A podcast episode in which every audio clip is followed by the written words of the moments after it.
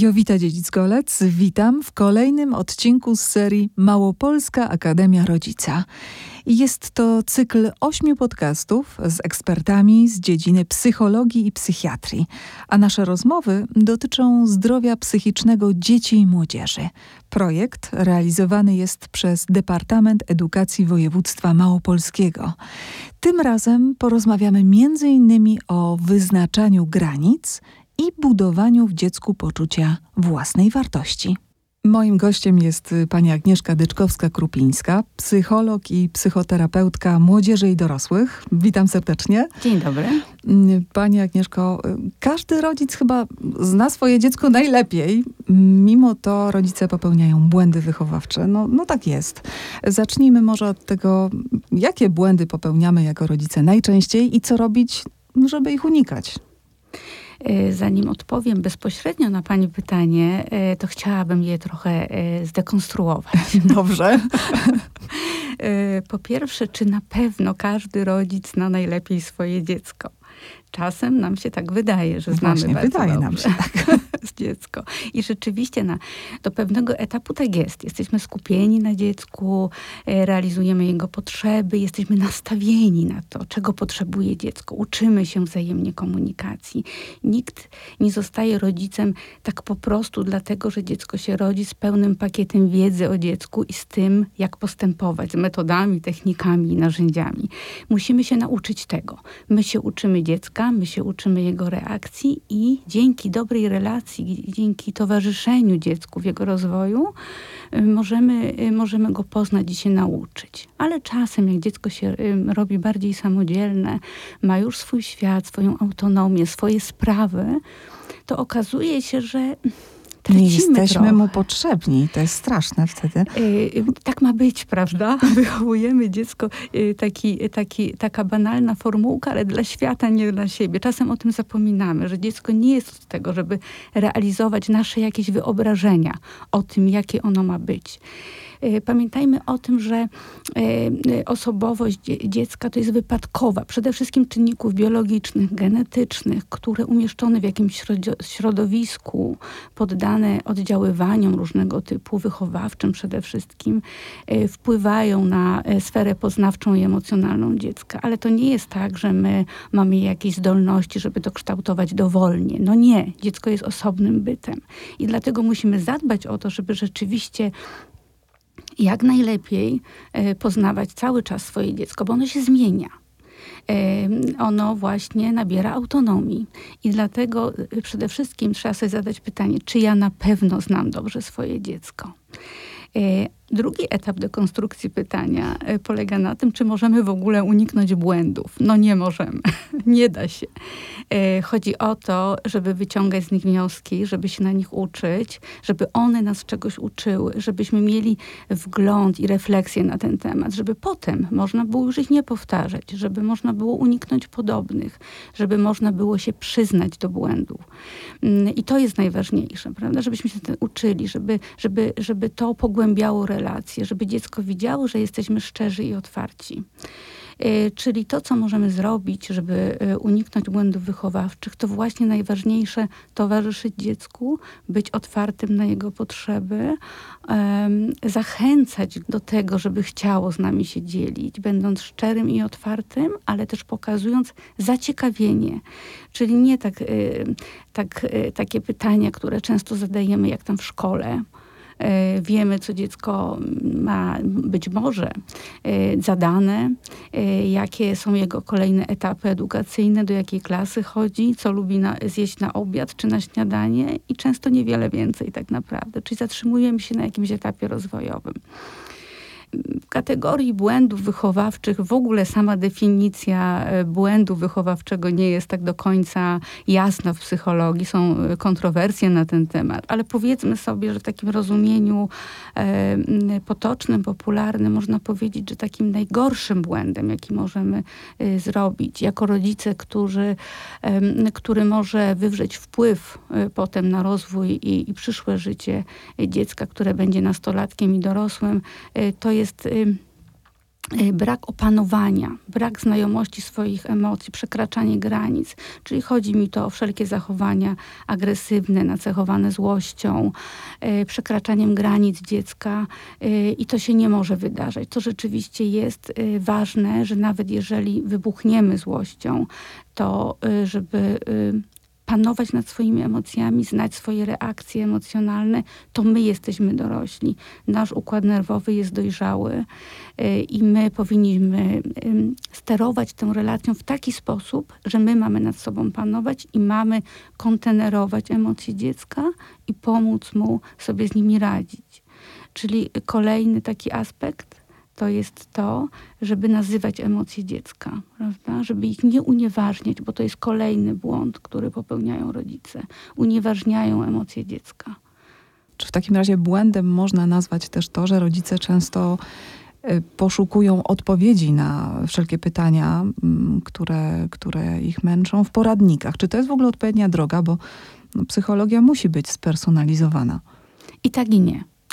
Y, ponieważ y, no, no jak sama pani wie, obserwujemy ogromny wzrost zapotrzebowania na tego typu literaturę, poradniki.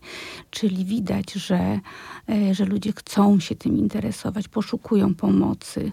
E, I często te poradniki dają fajne narzędzia e, do poradzenia sobie z jakimś niewielkim problemem. Doraźnie możemy zobaczyć, że nie jesteśmy sami. Czasem nam się wydaje, że tylko nas to dotyczy, że tylko nas spotyka taka trudność wychowawcza. Tymczasem nie. Tymczasem pewne rzeczy są na przykład bardzo podobne u innych. Y, I y, w, takim, w takiej kwestii identyfikacji problemu, nazwania go, mm, dostania narzędzi do rozwiązania, to jest fajne. Z tym, że pamiętajmy o tym, że poradniki piszą nie tylko profesjonaliści, y, ale też na przykład celebryci, których na przykład, którzy doświadczyli jakiejś trudności, dzielą się tym, jak mogę ci pomóc, prawda, korzystając z własnej na przykład sławy i taki, tak zwanego autorytetu społecznego. To może być groźne. I to może być groźne na przykład jeżeli załóżmy um, przeczytamy poradnik, jak wyleczyć depresję w weekend, albo w 7 dni, albo w 12 krokach. Powinna prawda? nam się zapalić czerwona lampka, że to nie jest możliwe. Właśnie. I wtedy warto, i, i taki poradnik też właśnie może być um, fajną drogą do tego, żeby sięgnąć po um, pomoc profesjonalną. Czyli, czyli poradnik nie jest zły sam w sobie, ale może jako uzupełnienie albo narzędzie podzielę się taką, takim własnym doświadczeniem z gabinetu. Y, kiedy przyszła kiedyś do mnie pacjentka, która, która była bardzo oczytana w poradnikach, posługiwała się takim językiem psychologicznym. Widać było, że dużo czyta na ten temat i w miarę upływu terapii przestała je czytać, a potem powiedziała, kiedy terapia zmierzała do końca, ja teraz dopiero rozumiem te poradniki. Ja, ja, teraz wiem, co oni tam napisali. Teraz do mnie to dotarło. Wcześniej to była jakaś teoria, jakieś założenia, a w tej chwili ja to zaczynam rozumieć, co do mnie pasuje i co mnie dotyczy. I to tak myślę bardzo dobrze ilustruje Czyli rolę poradników. Świadome korzystanie. Tak z tej wiedzy zawartej w poradnikach. A proszę powiedzieć, dzieci często mm, skarżą się na niezrozumienie. No to tak słyszeliśmy na pewno nieraz, że moi rodzice mnie nie rozumieją, moi nauczyciele też mnie nie rozumieją, nikt mnie nie rozumie. Jak postępować, żeby pokazać jednak dziecku e, swoją otwartość na jego potrzeby, tak żeby nie bało się nam mówić o swoich problemach? No, dzieci często mają rację Czyli często ich nie rozumiemy, prawda? Jednak ten świat zmienia się tak szybko, ten język tak się zmienia. Mówię o języku w takim bardzo szerokim e, zakresie i rozumieniu. Więc tak, rzeczywiście dzieci często czują się e, niezrozumiane przez dorosłych. I tutaj wrócę do początku naszej rozmowy. Czyli jeżeli my dbamy o relacje z dzieckiem od samego początku, kiedy nie opuszczamy tego dziecka, kiedy się zaciekawiamy tym, kiedy y, otwieramy rozmowy, kiedy dziecko jest przyzwyczajone do tego, że po prostu sobie rozmawiamy. To nie muszą być śmiertelnie poważne rozmowy, siadamy przy stole i zaczynamy rozmawiać, tylko może to być, nie wiem, rozmowa przy okazji jakiejś aktywności, pójścia na pizzę, czy pójścia w góry yy, i rozmowa o sobie. Zachęcamy dziecko pokazując siebie yy, też, żeby też może powiedziało coś o sobie, a jeżeli jesteśmy zaciekawieni tym dzieckiem, to też też dajemy sygnał, że wiemy coś o nim, odnosimy się do czegoś realnego w jego życiu. Dziecko wtedy chętniej się otwiera, bo czuje, że jest akceptowane. Ale inna sprawa, że dzieci są przecież bardzo różne. Jedne potrafią nazwać swoje problemy, no a nawet wykrzyczeć i to bardzo głośno, a inne są skryte i trudno uzyskać od nich y, jakiekolwiek informacje. Y, to jak dotrzeć do tych takich najbardziej zamkniętych w sobie? E, no i tutaj e, to jest taki e, problem, który pani poruszyła, dość wieloaspektowy. Bo jeżeli nasze dziecko zawsze było takie nieco introwertyczne, zamknięte w sobie, to my to wiemy od samego początku. Czyli I... właściwie powinniśmy się już nauczyć też tego z czasem, jak do niego docierać. Tak, znaleźć sposoby, prawda, zachęcać w jakiś sposób, ale też wiemy, że to dziecko nigdy nie będzie taką gadułą, nie będzie takie nadmiarowo otwarte, yy, raczej będzie chowało w sobie różne rzeczy. No i powinniśmy sobie wypracować sposób na docieranie do naszego dziecka. Ale jeżeli nasze dziecko było otwarte y, w jakiejś tam normie, mówiło o wielu rzeczach i nagle dzieje się coś takiego, że ono się w sobie zamyka, no to może świadczyć o jakichś problemach prawda? Czy to problemach związanych z jakąś przemocą w szkole, czy w internecie, y, czy y, z jakimiś y, zaburzeniami. Może tak się zaczynać na przykład depresja. To może być objaw różnych rzeczy, jeżeli następuje zmiana. No i znowu, jeżeli znamy swoje dziecko, wiemy, czy to jest norma dla naszego dziecka, bo każde jest inne, czy też nagle coś się takiego wydarzyło i tym bardziej powinniśmy spróbować zachęcić dziecko do rozmowy, mówiąc wprost: martwię się. Martwię się. Chciałabym wiedzieć, co u ciebie. Widzę, że coś się zmieniło. Jeżeli dziecko jest z nami w relacji, a najczęściej jest, y, to wtedy y, będą obchodziły go nasze emocje, nasze zmartwienie. Y, jest jakaś już droga przetarta do tego, żeby się porozumieć.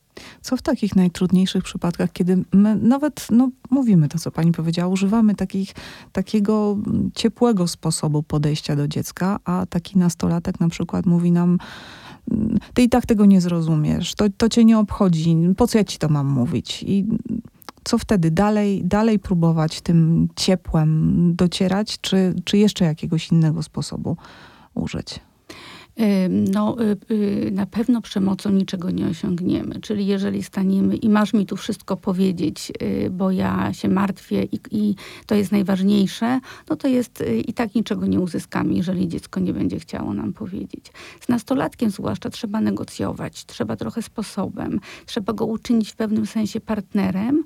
W coraz większym stopniu czynimy go partnerem, bo on dojrzewa, a jednocześnie musimy rozumieć zmiany, które następują w jego układzie układzie nerwowym, który się przebudowuje w tym okresie, ciało się zmienia, y, wszystko się zmienia. Nastolatek często sam siebie nie rozumie. Y, więc y, naszą rolą jest mu pomóc w tym. Czyli jeżeli nie da się tak po prostu uzyskać prostej odpowiedzi, spróbujmy sposobem, spróbujmy opowiedzieć coś o sobie, zabierzmy go gdzieś. Może przy jakiejś okazji się jakoś otworzy. Próbujmy, nie poddawajmy się. Czy tak, taki sposób mówienia o tym, że nie wiem, co się się u ciebie złego dzieje, ale wiesz, ja też przeżyłam to czy tamto i też miałam problem, też czułam się odrzucona, czy tam nierozumiana, czy taki sposób mówienia, że ja też w tym wieku miałam problem, jest, jest, jest dobrym rozwiązaniem? E, mówienie o sobie jest dobrym rozwiązaniem, tylko zależy jak to robimy. E, czyli takie e, kazanie moralizatorskie w sensie w moich czasach to nie był żaden problem, tak, my sobie radziliśmy. Tak.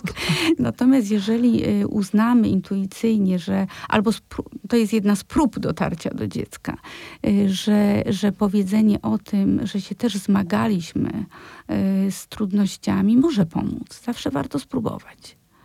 Jak budować w dziecku takie poczucie własnej wartości, nauczyć asertywności i umiejętności wypowiadania własnego zdania, no ale jednocześnie no, nie wychować małego egoisty? No na to pracujemy od samego początku. Czyli, y, czyli poczucie wartości to jest wypadkowa takiego y, myślenia o sobie, o świecie i tym, że nie wpływa na mnie to, co przychodzi z zewnątrz, czyli jakieś trudności, jakieś zmiany, to, co się wydarza niezależnie ode mnie, nie może wpłynąć na to, że myślę o sobie dobrze. Ale żeby tak było, to my musimy jako rodzice od samego początku dawać dziecku bezwarunkową, podkreślam, bezwarunkową miłość i akceptację. Czyli nie kochamy za coś. Kochamy dziecko takie, jakim ono jest co nie oznacza, że ulegamy zachciankom, y, że robimy wszystko to, co dziecko chce. Nie, wręcz przeciwnie. Y, stawianie granic stwarza dziecku poczucie bezpieczeństwa, ale żeby dziecko mogło mieć poczucie wartości, czyli asertywność to jest jakby jeden z przejawów adekwatnego, czyli adekwatnego, nie za wysokiego i nie za niskiego poczucia własnej wartości, czyli dobrego myślenia o sobie. Dobre myślenie o sobie to jest uwewnętrznienie tego, co usłyszeliśmy od rodziców, którzy zachwycili się nami jako ludźmi jako istotami. Czyli jesteś w porządku. Jesteś, ty jesteś taki, jaki jesteś, jesteś w porządku. Zobaczymy, jakie są twoje mocne strony, popracujemy nad słabszymi, ale już teraz jest dobrze. Dzieci, młodzież bardzo często wchodzą w takie określone role w grupie. To się trochę łączy właśnie z wcześniejszym pytaniem. Jeden jest liderem, inny jest satelitą. Te role potrafią być niebezpieczne, jak sprawić, żeby dziecko ani nie uległo wpływom rówieśników, ani nie narzucało im swojego zdania. I tutaj dlatego mówię, że to ma związek z wcześniejszym pytaniem, bo często przecież można zaobserwować takie coś, że prawda, kochamy to dziecko tak bezwarunkowo, wspaniale i ono się dobrze czuje z nami, ale potem wkracza w tę grupę rówieśniczą i nagle słyszy, że nie jest takie wspaniałe od tych rówieśników. No rzeczywiście zgadzam się z Panią, że to bardzo się wiąże z tym poprzednim pytaniem. Y, bo jeżeli dziecko ma zaniżone poczucie własnej wartości, to ulegnie, bo będzie niepewne. Y, albo czasem ze strachu właśnie stanie się agresorem. Y, czyli jeżeli dziecko, które ma takie adekwatne poczucie własnej wartości, wejdzie w taką grupę rówieśniczą, na przykład przemocową, czy będzie taki negatywny lider, który będzie wymagał mm, bezwzględnego podporządkowania, no to takie dziecko z adekwatnym poczuciem własnej wartości nie będzie chciało się zwrócić o pomoc. Tak? Czyli my musimy też dziecko tego uczyć. To jest umiejętność życiowa. Czyli jak sobie poradzić w trudnej sytuacji. Czyli taka psychoedukacja w domu czy w szkole jest oczywiście nie do przecenienia. Czyli dziecko nie może zostać samo z, taką, z takim poczuciem i przekonaniem, że nikt mi nie pomoże że, że na przykład y, zwrócenie się o pomoc to jest jakiś rodzaj donoszenia na kogoś, prawda? Że nie chce być tak zwanym konfidentem. Y, tylko dziecko ma mieć poczucie, że skoro nie potrafi sobie poradzić i samo rozwiązać problemów, to można się do kogoś zwrócić. To, to, ważne. No to jest bardzo istotne, co teraz pani powiedziała, bo wśród dzieci, wśród młodzieży to taka źle pojęta lojalność wobec grupy, nawet jeśli dzieje się coś złego, często prowadzi no, do strasznych y, skutków. Zgadzam się, dlatego oprócz tego, że dziecko y, dobrze wychowujemy, y, że staramy się za nim podążać, że je kochamy, to jeszcze musimy je uczyć różnych rzeczy, pokazywać, że są możliwe różne drogi wyjścia z problemu, a my jesteśmy po to, żeby mu pomóc. I nie robimy czegoś takiego, że dziecko nam o czymś opowiada, a my biegniemy i robimy chryje bez jego wiedzy i za plecami, tylko raczej w porozumieniu z dzieckiem działamy, żeby nie straciło do nas zaufania. Wyznaczanie granic. To jest dosyć kontrowersyjny temat y, wśród rodziców. Y, moje pokolenie to jest raczej tradycyjne wychowanie i taki system kar i nagród. Natomiast y, kiedy byłam ja młodą mamą, to powszechne stało się tak zwane bezstresowe wychowanie. Z perspektywy czasu widzę, że najważniejszy jest jednak złoty środek, jak we wszystkim ale no jak go osiągnąć bez y, tego y, uczenia się na własnych błędach? Chociaż z tego, co zrozumiałam, pani powiedziała na początku, uczenie się na własnych błędach nie jest takie złe. Ra, raczej nie jest możliwe nie uczyć się na błędach, ponieważ prędzej czy później każdy je popełni. Bardziej o to mi chodziło. I ważne, żeby jeżeli już ten błąd się zdarzył, to był po coś. Ale czy w ogóle jest możliwe osiągnięcie tego złotego środka w przypadku um, takiego no, postawienia pewnych granic, a jednak nie stresowania naszego dziecka? Nie wiem. Nie wiem, czy jest możliwe osiągnięcie złotego środka, ale wiem na pewno, że od dłuższego czasu w psychologii e, istnieje takie bardzo trafne określenie wystarczająco dobrego rodzica. E, A, takie bezpieczne określenie. E, tak, że, że jeżeli jest dziecko, my to tak nazywamy, doinwestowane emocjonalnie, to e, jeżeli wydarzy się właśnie jakiś błąd, to my mu tak bardzo nie zaszkodzimy. E, Kary i nagrody funkcjonowały całe wieku, wieki w wychowywaniu dzieci. E, I dopiero od niedawna dziecko jest uznawane za autonomiczny byt, y, który może realizować własne potrzeby, że my na nie zwracamy w ogóle uwagę. I stąd y, było, był taki etap bezstresowego wychowania, które rzeczywiście narobiło bardzo dużo szkody. Y, dziecko potrzebuje granic, żeby czuć się bezpiecznie. Ono jeszcze nie wie, jak się zachowywać. Dopiero poznaje świat. To nasza rola dorosłych stworzyć mu bezpieczne środowisko z granicami, których może przestrzegać, żeby mogło bezpiecznie poznawać świat. Oczywiście nie twierdzę, że kary i nagrody są nieskuteczne. One są skuteczne pod warunkiem, że chcemy wychować posłusznego człowieka, który będzie realizował nasze zalecenia, to czego my chcemy, czego chce społeczeństwo, szkoła, żeby był grzeczny, podporządkowany i wtedy w jakiś sposób to zadziała. Kara może bardzo dotkliwa, która często służy temu, żebyśmy my rozładowali y, swoją złość albo wręcz upokarza dziecko, no, powoduje, że dziecko będzie unikać takiego zachowania albo raczej je ukrywać, żebyśmy nie, no właśnie, nie wpadli na to. Prawda? Nagroda będzie to czymś takim z, przychodzi z zewnątrz. Nie ode, buduje w dziecku przekonanie, że nie ode mnie zależy, jak ja będę postępował, tylko y, od kogoś. Jak mi ktoś coś da, to się opłaca. Jak nie, to nie. Jeżeli my jesteśmy konsekwentni i, i zamiast właśnie tych e, kar i nagród są naturalne konsekwencje postępowania, wiemy, że my jesteśmy ich autorem, wówczas bierzemy odpowiedzialność za to, co zrobiliśmy. I dzięki temu wychowujemy człowieka, który odpowiada za to, co robi, za swoje czyny, czyli jest sprawczy co jest podstawowym warunkiem satysfakcji z życia, sprawczość. Chociaż ja cały czas y, tak zastanawiam się nad tym, że nawet my jako dorośli cały czas też gonimy za nagrodami, prawda? Mhm. I to jest takie naturalne, że tak. nagroda nas motywuje. I ciężko jest, y, jeśli sami mamy takie przekonania, że ta nagroda nas jest, jednak motywuje zawsze, um, uniknąć tego, y, żeby nie próbować motywować swojego dziecka nagrodą no tu, tutaj mam taki dysonans właśnie. Y, no, tak jak powiedziałam, nagrody i kary działają, y, więc, więc, y, więc rozumiem, że to jest kuszące. Ja nie mówię, żeby nigdy nie dawać nagród. Chodzi o to, żeby dziecka nie przekupywać. Czyli nie dostaniesz y, dychy za posprzątanie pokoju, tylko naturalną konsekwencją tego, że nie posprzątasz jest bałagan, że nie możesz nic znaleźć i na przykład nie znalazłeś podręcznika, żeby się z niego nauczyć. To jest konsekwencja. Y, natomiast oczek, okej, okay, możemy sobie nagrodzić jakieś wydarzenie, coś się wydarzyło fajnego, już to zaistniało i wtedy się nagradzamy ale nie dlatego, żeby dziecko coś zrobiło, bo to jest przekupywanie, tylko nagradzamy siebie, dziecko, możemy coś fajnego zrobić, bo już zaszła jakaś rzecz, która jest pozytywna. Wzorce kulturowe. E, jak duży wpływ mają na nasze wychowanie?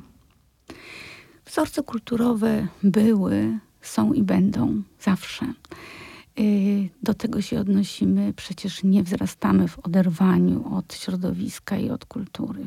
Oczywiście można powiedzieć, że w tej chwili y, są takie czasy, że dzieci są ekspertami, a my rodzice często nie wiemy, co się dzieje w internecie, czym się kierują. Nie znamy tych osób.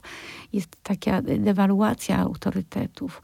Często y, autorytetem zostaje ktoś, kto jest znany, jak to się mówi, z tego, że jest znany, że nie, niekoniecznie ma do przekazania jakieś wartości, które by były zgodne z nami. Także nie unikniemy tego, ponieważ dzieci, no, to bardzo przyspieszyło. Dzieci żyją w internecie, mają swoje wzorce, ale możemy towarzysząc dziecku i znowu wracam do tej relacji z dzieckiem, wiedzieć, czym się interesuje, czym się kieruje i rozmawiać o tym, prawda?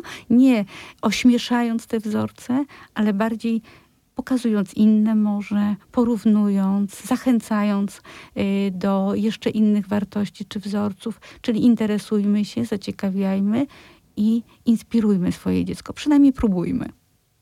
To, co pani powiedziała o tym autorytecie i obecnym świecie pędzącym, ja, ja już nawet słyszałam o takich sytuacjach, gdzie dzieci szachują rodziców tym, że im nie pomogą e, na Instagramie lub Facebooku i nie wytłumaczą czegoś. I to jest problem. Wtedy dalej utrzymać autorytetu takiego dziecka. A no właśnie, a no właśnie. Y, no, autorytetu nie zdobywamy z dnia na dzień, prawda? Więc jeżeli sobie pracujemy na niego od y, pierwszych chwil, to wówczas nawet jeżeli dziecko jest ekspertem, właśnie w tej dziedzinie, nazwijmy to szeroko internetowej, i nas zagnie w każdym możliwym momencie, to nic złego.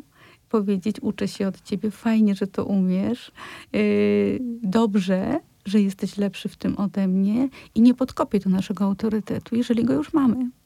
W ostatnich latach bardzo modnym zjawiskiem stało się posyłanie dzieci na wiele zajęć dodatkowych od zajęć baletowych, pojazdę konną. I oczywiście, no, każde z tych zajęć może rozwinąć wspaniałą pasję, ale kiedy jest ich zbyt wiele, no to dziecko jest y, tak przeciążone obowiązkami, że przestaje czerpać z nich radość. Y, czym się kierować? Właśnie tak z psychologicznego punktu widzenia, szukając dla naszego dziecka odpowiedniego sposobu na zagospodarowanie czasu poza zajęciami obowiązkowymi, oczywiście pomijając te predyspozycje, które no, dostrzegamy jako rodzice. Y, tak y, jak płynie nasza rozmowa, to coraz częściej postrzegam, że ona ma jeden wspólny mianownik, znajomość swojego dziecka i podążanie za jego, za jego potrzebami. Y, tak jak pani powiedziała, to nic złego. Rozwijać, rozwijać talenty dziecka, jego potencjał. Pamiętajmy o tym, że dziecko musi się trochę ponudzić. Nuda bywa kreatywna i dziecko musi odpocząć tak jak i my dorośli. Dzieci y, mają różne pomysły, te pomysły się zmieniają, chcą y, wiele rzeczy realizować. Musimy, my znowu dorośli, musimy wiedzieć, y, czego dziecko potrzebuje, ile musimy zaplanować mu czas na odpoczynek, musimy zaplanować też czas na ponudzenie się, żeby sobie poradziło samo z tą nudą i żeby coś wymyśliło fajnego w tej nudzie. Często dzieci też realizują nasze wyobrażenia o tym, jakie dziecko powinno być, co mu jest potrzebne, co mu się przyda w przyszłości, albo to, czego sami nie zrealizowaliśmy i uważamy, że dziecko y, będzie świetnym nośnikiem naszych niezrealizowanych marzeń. Jeżeli to wszystko sumujemy, no to rzeczywiście dzieci bywają przeciążone. Pamiętajmy, że te dzieci muszą e, się rozwijać, muszą rosnąć. To jest ogromny wysiłek energetyczny dla mózgu i dla ciała. Dajmy im odpocząć i odetchnąć. To ważne, to jest również bardzo rozwojowe. Czyli na koniec podkreślmy jeszcze raz, dzieci muszą też odpoczywać i muszą się nudzić, tak jak pani powiedziała czasami. Zdecydowanie. Proszę o tym pamiętać, jeśli słuchają nas jacyś rodzice czy opiekunowie. Dziękuję bardzo. Dziękuję. Na pytania odpowiadała Agnieszka Dyczkowska-Krupińska, psycholog i psychoterapeutka młodzieży i dorosłych. W następnym odcinku porozmawiamy m.in. o szacunku, zaufaniu, sytuacjach konfliktowych i o tym, jak reagować na to, co dzieci robią w internecie. Już teraz gorąco zapraszam. Jowita Dziedzic-Golec. Kampania finansowana ze środków województwa małopolskiego.